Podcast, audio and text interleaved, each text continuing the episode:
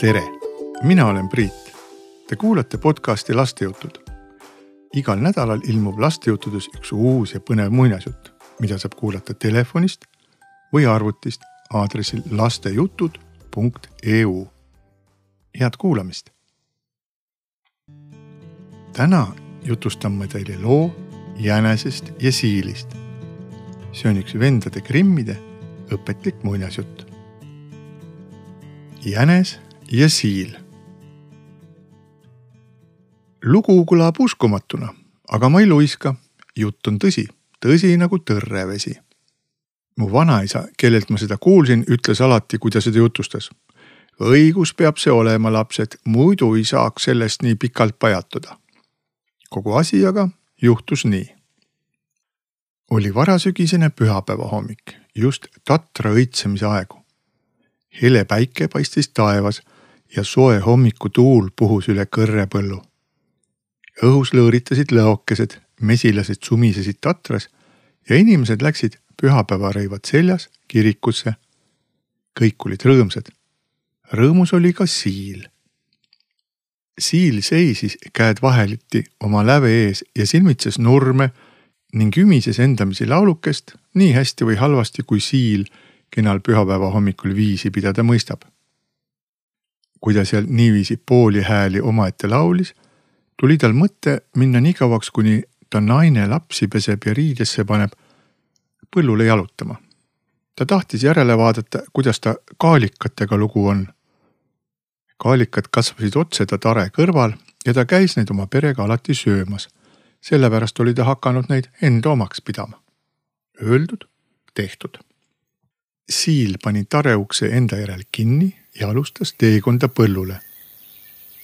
ta polnud majast veel kuigi kaugel ja tahtis parajasti ümber põllupeenral kasvava laukapõõsa kaalikamaale minna, kui kohtus jänesega. too oli välja tulnud samasuguste asjatoimetuste pärast kui siil. tema aga tahtis nimelt oma kapsaid vaadata. jänest silmates ütles siil talle sõbralikult tere hommikust jänes, kes oli enda arvates peenisand, seejuures aga kole upsakas, ei vastanud Siili tervitusele, vaid küsis temalt pilkava ilmega. kuidas sa juba nii vara hommikul põllul ringi jooksed? Lähen jalutama, vastas Siil. jalutama, küsis jänes naerdes. arvan, et sa võiksid oma jalgu küll paremaks otstarbeks kasutada. Siilil on teatavasti väga lühikesed jalad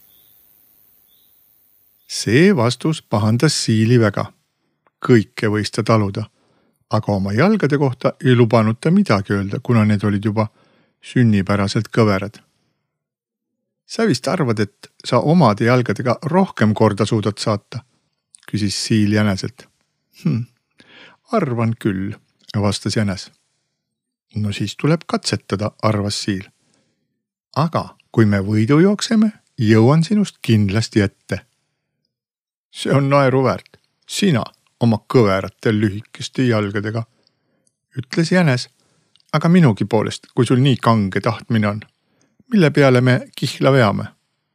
ühe kuldtaalri peale, ütles siil ja see oli vanal ajal väga suur raha. nõus, vastas jänes. löö käsi ja hakkame kohe pihta. ei, ei, nii kiiresti see ei lähe, sõnas siil. olen alles söömata tahan enne koju minna ja natukene pruukosti võtta. poole tunni pärast olen kohal. Siil läks, sest jänes oli sellega päri. teel mõtles Siil endamisi. jänes loodab oma pikkade jalgade peale, aga küll ma ta kätte saan. ta on küll peenhärra, aga siiski rumal mühakas, las vennike maksab. kui Siil koju jõudis, ütles ta naisele. naine, kähku riidesse sa pead minuga põllule tulema. mis siis lahti on? päris naine.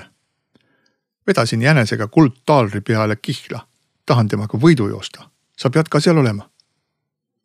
ja vaat, kus rumal, hakkas Siili naine kisama, oled sa arust ära, kuidas sa jänesega võidu mõtled joosta? ah, ära seleta, ütles Siil, see on minu asi. sina pane riidesse ja tule kaasa. no mida pidi Siili naine tegema? tal tuli mehega kaasa minna tahtis ta või ei. kui nad kahekesi teel olid, ütles siil naisele. pane kõrva taha, mis ma sulle räägin. näed seda pikka põldu eemal? seal toimubki meie võidujooks. ühe vao vahel jookseb jänes, teise vahel mina ja sealtpoolt alustame jooksu. sul pole muud midagi teha, kui seista siin minu vao otsas. kui jänes pärale jõuab, hüüad talle vastu. olen juba siin. Nad jõudsid põllu äärde. siil näitas naisele koha kätte ja läks üle nurme teisele poole. kui ta pärale jõudis, oli jänes juba kohal. kas võib alustada? küsis jänes. jah, vastas siil, läheb lahti. kumbki neist asus oma vao vahele. jänes luges üks, kaks, kolm ja pistis nagu marutuul mööda põldu jooksma.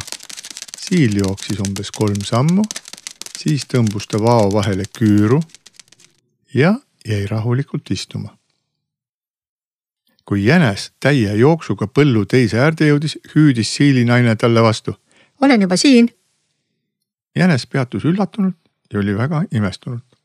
ta arvas, et siil ise talle hüüdis, sest siilinaine nägi täpselt samasugune välja kui ta mees. Endamisi mõtles aga jänes. see pole õige asi. Jookseme veel kord, hüüdis ta, nüüd tagasi. ja jälle pistis ta punuma nagu marutuul nii et kõrvad pea küljes lipendasid. siili naine aga jäi rahulikult oma kohale.